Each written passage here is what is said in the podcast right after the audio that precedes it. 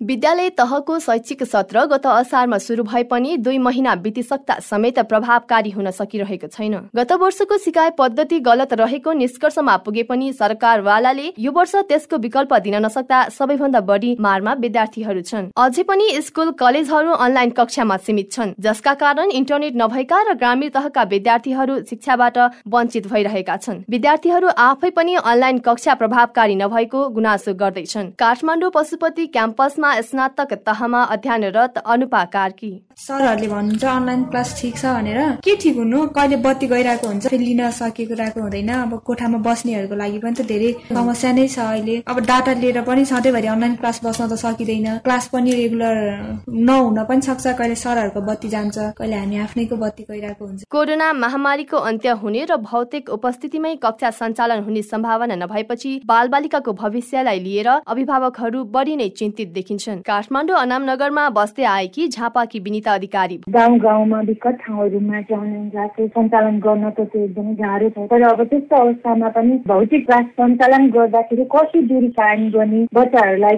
एक दिन बिराएर हुन्छ कि दिनदिनै कक्षाहरू सञ्चालन गरेर हुन्छ कि एउटा क्लासमा कतिजना विद्यार्थी राखेर हुन्छ। ती कुराहरू सबै चाहिँ छलफल गरेर चाहिँ कक्षा सञ्चालन गर्दा ठिक होला। विद्यालय व्यवस्थापन र क्यालेन्डर निर्माणको जिम्मा पाएका स्थानीय तहहरू नै कोहिरोमा काग भएका छन्। शिक्षा मन्त्रालयले महामारी पछाडिको अवस्थामा मूल्याङ्कन गर्दै विद्यालय सञ्चालनको व्यवस्था मिलाउन भने पनि विद्यार्थीको स्वास्थ्य अवस्थालाई ध्यान राखेर स्थानीय तहले आँट गर्न सकेका छैनन्। शिक्षा मन्त्रालयका प्रवक्ता दीपक शर्मा। कि भौतिक उपस्थिति हुने कि अनलाइन भन्ने मात्रै होइन। अरू विकल्पहरू पनि छन्। त्यसमा प्रयोग गर्न विद्यालयले आफ्नो अवस्था अनुसार आफ्नो विद्यार्थीको स्थिति अनुसार प्रयोग गर्ने हो। फेस टु फेस जति प्रभावकारी चाहिँ अनलाइन पनि हाम्रो हुन सकेका छैन। त्यो कुरालाई हामीले चाहिँ हेर्नुपर्छ।